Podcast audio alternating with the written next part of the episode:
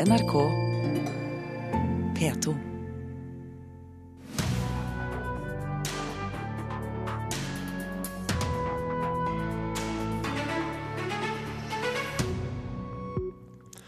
En eh, plyndring av Palmyra er som om noen gikk løs på norske stavkirker og vikingskip, mener arkeolog.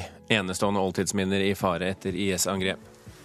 Jeg skjønner at Knausgård er forbanna, sier eh, Erlend Lo. Andre forfattere er kritiske til Knausgårds frontalangrep mot svensk kulturliv i går. Og Norge og Sverige er blant de argeste konkurrentene i kveldens semifinale i Melodi Grand Prix, men på bakrommet har de funnet tonen. Og regjeringen går, etter det NRK erfarer, inn for en insentivordning for eh, film. Du skal få mer om det etter hvert i sendingen. Kulturnytt får du med Birger Kolsrud Jåsund i studio. De ekstreme islamistene i IS har kommet inn i de historiske områdene i Palmyra i Syria. Det skriver nyhetsbyrået Reuters akkurat nå. I går tok IS kontroll over mesteparten av byen, som er kjent for sine enestående oldtidsminner. IS har stridsvogner, raketter og tunge maskingevær. De angrep våre soldater fra flere retninger og brukte sivile som skjold. Det forteller Gaish, en soldat fra de syriske regimestyrkene. Palmyra, som på arabisk har navnet Tadmor, står på Unescos verdensarvliste. Oldtidsbyen har en rekke godt bevarte tempelruiner, og det er frykt for at IS skal komme til å rasere dem, slik de har gjort med andre historiske steder. Ifølge sjefen for fortidsminner i Syria er flere hundre antikke statuer blitt flytta fra byen til en sikker stad, men mye kan selvsagt ikke flyttes. Blant de viktigste bygningene er et tempel fra år 32 etter vår tidsrekning, rester av en over 1000 meter lang søylehall og et amfiteater. Palmyra er også viktig for IS fordi det ligger flere oljefelt i området. En innbygger i byen forteller at IS fikk hjelp fra flere av de som bor der. Det var folk herfra som hjalp IS inn i byen. De fortalte IS-soldatene hvor de skulle gå og hva som er de viktige stedene å få kontroll over. Situasjonen er svært ille, sier sjefen for Syrias fortidsminne. Han ber nå den syriske hæren, den syriske opposisjonen og det internasjonale samfunnet om å gå sammen og gjøre alt de kan for å hindre at IS ødelegger oldtidsminnet i Palmyra, som ligger om lag 200 km nordøst for den syriske hovedstaden Damaskus. Reporter her, det var Silje Sande. Og ifølge de siste meldingene som har kommet, så er altså IS kommet inn i oldtidsområdene, men det er ikke rapportert om ødeleggelse ennå, ifølge Reuters. Arkeologiprofessor ved Universitetet i Oslo, Christopher Prescott, hva står på spill nå som IS er i ferd med å få kontroll over Palmyra? Altså, Palmyra har en viktig symbolsk betydning. Det har vært et slags eh, referansepunkt både for regjeringsstyrker og andre motstandsgrupper, så jeg tror eh, jeg tror nok IS planlegger en nokså omfattende destruksjonsprogram for uh, oldtidsbyen. Vi hører at en del flyttbare kulturminner er kommet i sikkerhet. Hva er det som står igjen? Uh, ja, det stemmer at man har flyttet ut en del av skulpturer og andre relieffer og lignende til i hvert fall foreløpig trygge steder. Men det står jo templene, kolonnadene, Eh, restene etter eh, romersk militærlegning, gravfelt og sånne ting. Disse har vært utsatt for plyndring før. Men det er forholdsvis lite områder av Palmyra som er undersøkt fra før. Så vi kan frykte av både plyndringen og eh, bevisst ødeleggelse av urørte historiske kilder, som går faktisk helt tilbake til jordbrukets oppkomst i området 10 000 år tilbake. Det er rester av byggverk som har stått i nesten 2000 år. Betyr det at det er vanskelig for IS-soldatene å få ødelagt det? Nei. De, nå har de nokså mye erfaring med å ødelegge kulturminner, og eh, jeg tror de får et lett spill, enten de bruker bulldosere eller de bruker dynamitt. Hva taper verdenssamfunnet hvis IS får eh, ture frem i Palmyra som de ønsker? Altså, Palmyra i seg selv er tragisk hvis det blir ødelagt. Det er et turistmål, det er et symbol, det er en opplevelse. Denne, denne gresk-romersk by ute i, i, i ørkenen med, med som møter kulturimpulser fra hele middelhavsregionen. Men dette er bare en del av den systematiske ødeleggelsen av kulturarven som skal fjerne alle andre religiøse, etniske og politiske spor enn de som disse sunnimuslimske grupper eh, støtter opp om. Hva, hva slags betydning får det for oss her oppe i Norge? Altså, den moderne, altså, den moderne verden har sin utspring i dette området. Så dette er også vår kulturarv. Det er røttene til vår historie. Urbanisering, språk, skriftspråk, teknologi, jordbruket, det vi spiser til frokost, stammer fra dette området. Så det er, det er menneskehetens felles kulturarv. Kristoffer Prescott, eh, tusen takk for at du kom til Kulturnytt.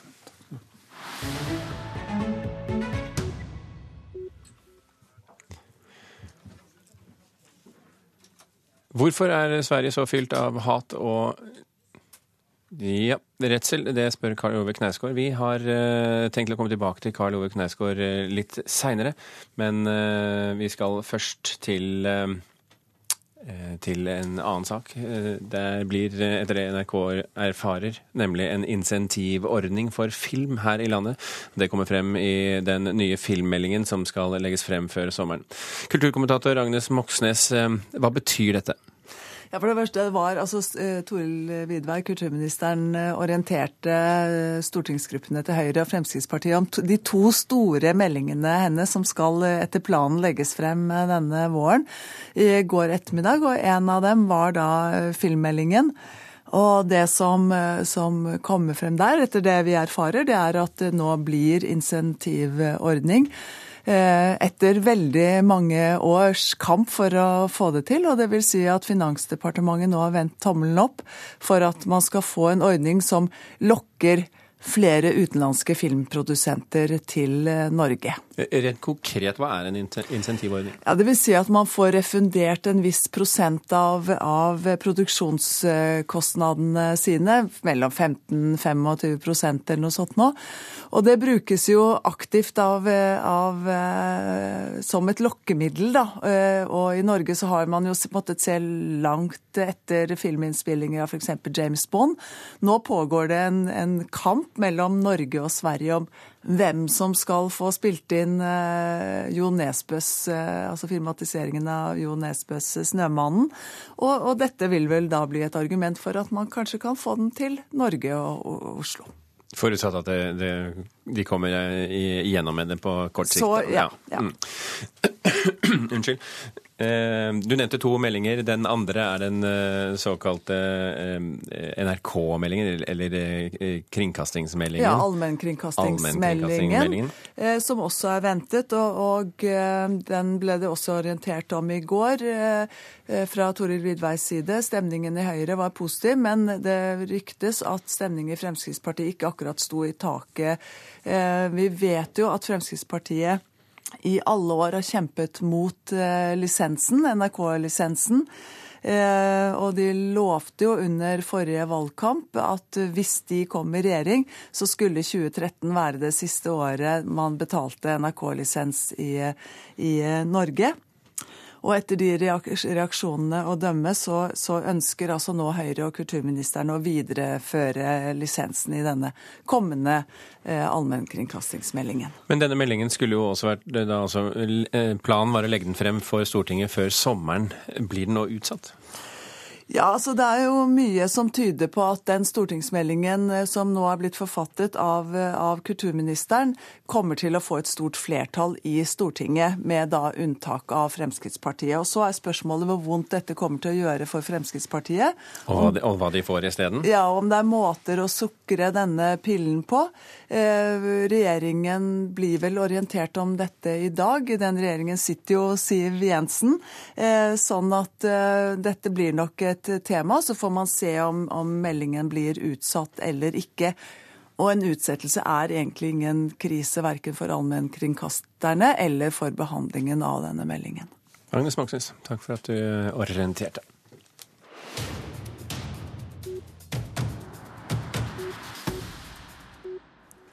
Under kveldens semifinale i Melodi Grand Prix er det kampen mellom Norge og Sverige mye handler om.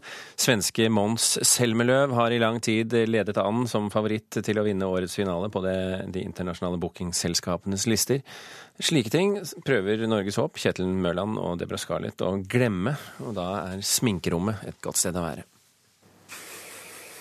Jo, nå ble jeg akkurat eh, sminka av kjære Susanne, så jeg bare slapper litt av, jeg. Ja Så det, sminkestolen er stedet å få roa nervene litt. Ja, der må man i hvert fall ikke tenke på andre ting. Her kan man bare lukke øynene. Dette er som et uh, feriested. Det går med en del hårspray når det karakteristiske røde håret til Deborah Scarlett skal styles mellom generalprøver, hylende fans og pressekonferanser. I bakgrunnen viser duettmakker Kjetil Mørland fram kostymene som skal benyttes på scenen i kveld. Ja, her har du da Deborahs eh, flotte outfits. Oi. Kjolen til Deborah går i gulvet på det trange hotellrommet. Men ingen skade skjedd. Mørland tror det er andre ting som kommer til å avgjøre kveldens duell mot svenskenes festlåt. Nei, Jeg tenker at våre låter er så forskjellige, så man kan liksom ikke sammenligne dem i det hele tatt. Eh, så det kommer helt an på hva publikum er i stemning for den kvelden. Hvis de vil ha noe upbeat, uh, upbeat poplåt, så, så stemmer det sikkert Sverige.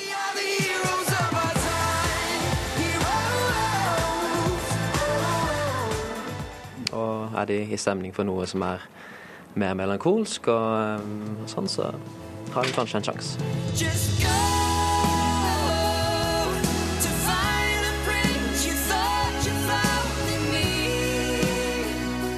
Duetten A Monster Like Me er blitt populær her i Wien. I den internasjonale pressens interne avstemning ligger låta på andreplass.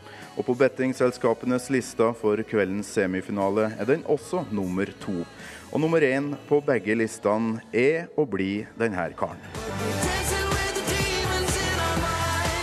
Svenske Mons Selmelöv mener både Norge og Sverige skal videre fra kveldens semifinale. Hva er det? det? er 17 bidrag i semifinalen, tror jeg. Og det er 10 som skal videre. Så jeg tror at det, det, det burde gå, syns jeg. Som ni sier, at det, det er to helt ulike sanger, og, eh, og jeg tror det er bra. Da svensken og de to norske møttes på fest forleden, fant de ut at det er en fordel å være i samme semifinale. Vi kan jo gi stemmer til hverandre, da, så det er jo positivt. Ja, det er, jo, det er, positivt. det er nice. Og det tror jeg vi kommer å gjøre også. Det kjennes som at vi Jeg tror at det kommer komme mange svenske røster på Norge, eh, og forhåpentligvis vice versa.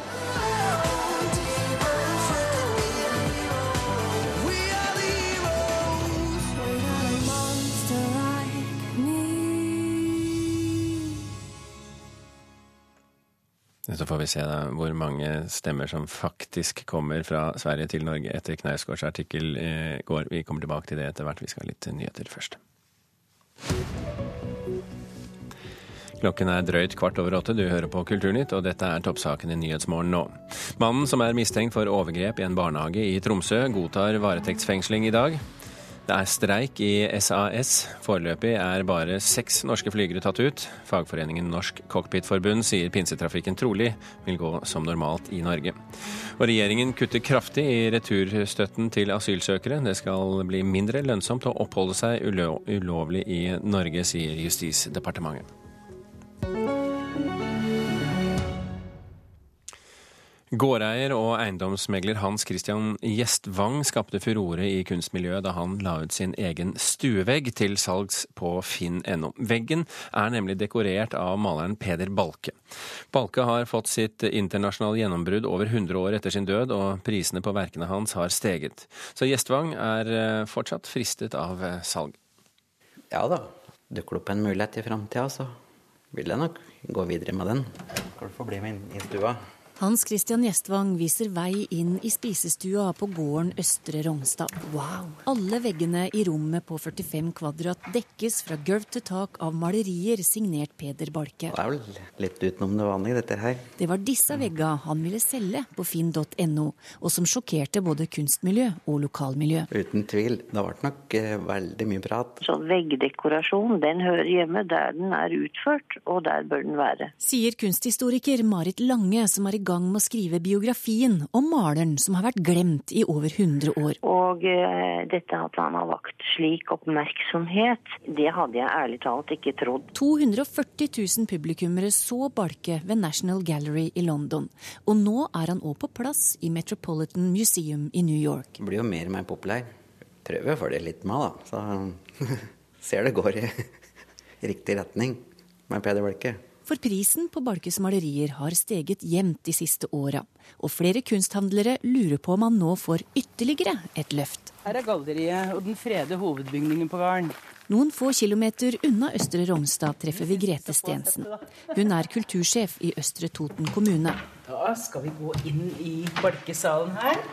Dette er kommunens eget balkesenter, som òg har en sal med store veggmalerier av maleren som vokste opp i disse traktene i trange kår. Eh, han er jo født på Helgøya. Og han var med mor si rundt på disse storgårda på Toten på omskiftende arbeid. Og så så jo disse bøndene på Toten at her var det en gutt med litt usedvanlig talent. Så bøndene ute i Belkegrenda, da, like ved Belkekirka, de eh, stilte kausjon sånn at han fikk lån og kunne utdanne seg til kunstmaler. Hvis du ser på endeveggen her, så heter det Alten. Det er det største bevarte veggmaleriet av Peder Balke. Det er på hele 18 kvadratmeter. Som takk for hjelpa malte Balke stuene på fire gårder. Én har brent ned, så de tre gjenværende er vår stolthet, mener kultursjefen, som liker dårlig at noe av det vurderes solgt. Selvfølgelig vil det jo være helt grusomt. Eh, det ville vært et tap. Et stort tap. Det ville vært for meg en tragedie. Jeg ser nok ikke helt sånn på det. Sier Gjestvang, for han mener få får glede av kunsten i hans private stue. Vi slipper ikke inn alle som ønsker det, på en måte. Jeg tenker at kjøperen kanskje må være Det beste hadde vært hvis det var en mer offentlig et, I hvert fall et museum kunne tatt my mye bedre vare på det. Og at du kan tjene penger på det? Ja, det er klart at En kan jo ikke selge det for slik og ingenting. Det vil nok være noen millioner. Ikke under ti? Nei. Ja, det må godt over ti millioner skal det skal nok vurdere deg, ja. Han kan ikke bare skjære ned veggene og selge, for i 1965 så ble denne stua freda. Så både kultursjefen og kunsthistorikeren tviler på at det er så mye å hente, tross prisøkning og anerkjennelse av Balke. Dette er, eh, dette er, priceless. For de blir også meningsløse, tatt ut av sin sammenheng. Du kan, du kan jo ikke sammenligne prisen eh, på et veggmaleri med prisen på løskunst. Ja, jeg, jeg, nei, det blir på en måte veldig rart å begynne å sette kroneverdig på et veggmaleri, syns jeg. Ja, det sa kultursjef i Østre Toten, Grete Stensen. Reporter her, det var eh, Torunn Myhre. Så skal vi til Knausgård-debatten i Sverige. For uh, i går stilte Karl Ove Knausgård følgende spørsmål i, uh, i, Dagens Nyheter. Hvorfor er Sverige så fylt av hat og redsel? Knausgård skriver bl.a. at litteraturen i Sverige ikke er fri, men bundet til hender og føtter. Den norske forfatteren Erlend Lo støtter Knausgårds kraftsalve. Jeg syns det er et veldig elegant uh, formulert forsvar fra en som har eh, blitt eh, urettferdig behandla. Det sier den norske forfatteren Erlend Lo. Det var i gårsdagens utgave av den svenske avisa Dagens Nyheter at Karl Ove Knausgård gikk til åtak på svensk kulturliv, med grovt skyts. Jeg kjenner ikke til noe land i verden utenom de totalitære hvor forfatterne er så usynlige i den offentlige debatten. Man ser aldri en forfatter stå for noe eget i kyklopenes land. Man ser aldri en forfatter risikere noe i offentligheten. Knausgård kaller Sverige kykloparenes land. Det er menneskeetende, enøyde kjemper fra gresk mytologi. Jeg har sjøl sett enkelte innlegg i svenske aviser de siste årene som jeg syns går altfor langt i å mistenkeliggjøre hans kvinnesyn, og at, man, at han lefler med totalitære samfunn osv. Det at han bringer det uh, som et speil tilbake på dem, og si at det er nettopp eh, totalitære samfunn som har hatt behov for den type enighet som han nå opplever i Sverige. Det syns jeg er ganske sviende og, elegant eh, gjort. Men ikke alle er samde i Knausgårds tirade. NRK har snakka med flere svenske og norske forfattere som ikke vil late seg intervjue, men som er svært kritiske til essayet. Og nei, ikke enda en hvit, såra heteroseksuell mann, skriver Jonas Gardell i et svar til Knausgård på ekspressen.se. Han skriver videre at Knausgård forsvarer den høyreekstreme rørsla i Europa. Men Erlend Lo mener svenskene er heldige som har Knausgård til å løse opp i debatten. Jeg tror ikke han gjør det fordi han har så lyst til det, fordi det er så enkelt, men jeg tror han gjør det fordi han lider under det. Eh, og, og den type mistenkeliggjøring som han har opplevd, blir man jo forbanna av. Så det er lett å forstå at han gjør det. Og jeg tror jo også at han kan åpne noen, noen dører der. Reporter her, det var Lars Ivar Nordahl. Kulturredaktør i Aftonbladet, Martin Aagaard. Hvordan har det vært i Sverige etter at Knausgårds artikkel kom på trykk i går? Det har vært rabalder kan man si. Det, det ble ganske stor oppstandelse kring denne uh, artikkelen. Naturligvis uh, Twitter og Facebook har jo raset som brukelig når det er store debatter, men det har vært kvällstidningsrubriker på Knausgård kritiserer Löfven for at uh, Löfven er, er statsminister i det her landet som, uh, som Knausgård faktisk er veldig kritisk mot, får man jo si. Får han noe støtte for sitt syn? Unnskyld uttrykket, blant kykkelopene? Alltså, det får han jo faktisk. Det her er jo liksom kom ju, Hans utbrott her, eller hva man skal si, kom jo seg av en debatt som har pågått et lite tag om, om hans forfatterskap og Stig Larssons forfatterskap, en svensk forfatter.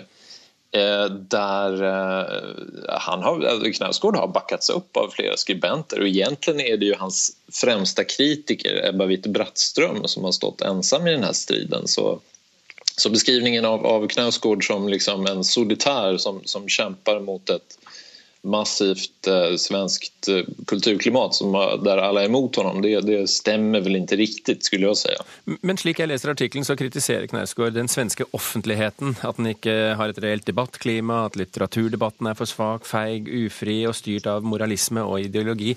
Er det noen som har plukket opp de poengene i sin kritikk av Knausgård?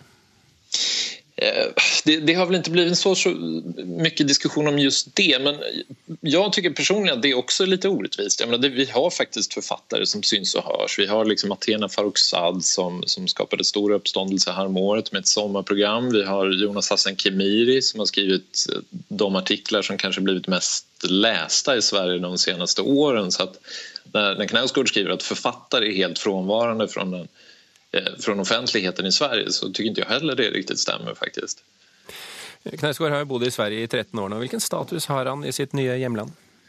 Den er veldig høy. Framfor alt så er han jo otroligt oppskattet som forfatter. Men sen har han jo blivit For svenskene har han blivit nog Hva skal man si alltså den, den, som kan betrakte Sverige utifrån. Det her er jo ikke nytt for ham. Han har jo gjort det her i hele sitt författarskap. Så har han skrivit om, om, om Sverige og særskilt då feminismen i Sverige, og det, som han skriver även om her. Tilgi meg, Ågård, for at jeg avbryter deg der. Vi er nødt til å gå videre i sendingen. Tusen hjertelig takk for at du kunne være med oss. og Det er vel ikke det siste vi hører fra verken deg eller Knausgård om dette her. Filmen 'Tomorrowland' er en fantasifilm med mange meninger i, meninger som munner ut i budskapet 'Redd verden'. Einar Gullvåg Staalesen anmelder filmen, som har fått elleveårsgrense pga. vold. Disney 'Tomorrowland', A World Beyond, forteller eventyr, men den er alvorlig også.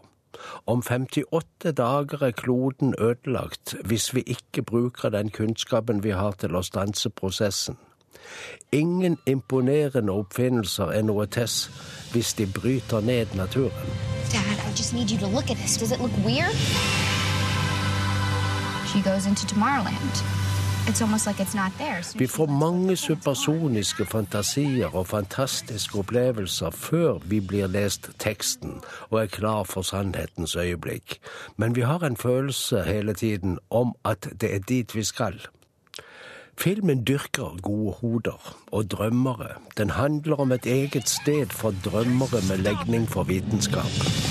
What do you want? I want you to take me there. Take you where? Where'd you get this?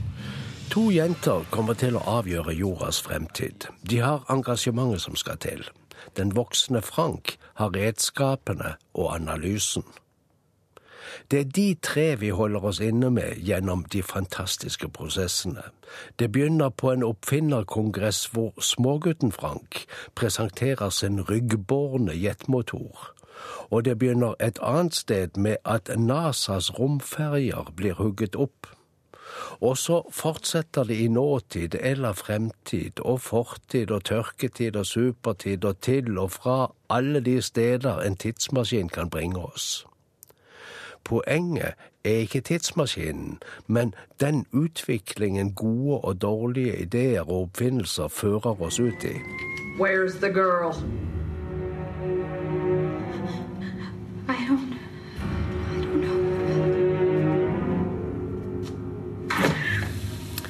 Det er langt fra fred på jorden, ikke noe sted er fredelig, men det er vakkert at den unge Casey Newton drømmer best om det super-ultra-fremtidige når hun vandrer i en bugnende kornåker.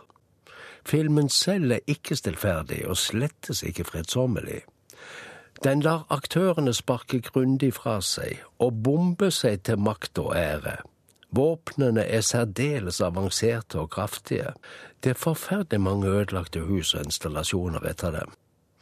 Det mest spektakulære som skjer, er at de gjør Eiffeltårnet om til utskytningsrampe for raketter. Det er ikke god mening i all volden i denne filmen. Det er mye kreert vold.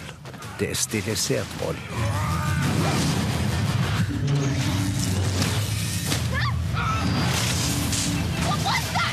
Casey-rollen er utmerket formidlet av Britt Robertson. Den andre jenta, Athena, er enda mer dynamisk i Raffi Cassidys sitt spill. Og vi ser at George Clooney trives godt i rollen som den voksne Frank. Alle i denne filmen er utmerket instruert og trimmet. Hele Disney-staben er i toppform. Brad Bird er en briljant regissør. Han har gjort de flotte animasjonsfilmene Ratatouille og De utrolige tidligere, blant annet de filmene. Nå ser vi at han er minst like god til å få levende mennesker til å fungere i fantastiske historier. Ja, det var det siste vi hørte fra fra Einar Gullvåg Staalesen, som anmeldte premierefilmen 'Tomorrowland'. Kulturnytt er slutt. I dag har du hørt, hørt arkeologiprofessoren som mener at en plyndring av Palmyra er som om noen gikk løs på norske stavkirker og vikingskip. Kulturnytt fikk du av Marianne Myrhol, Vidar Sem og med Birger Kolsrud Aasund i studio. Hør flere podkaster på nrk.no podkast.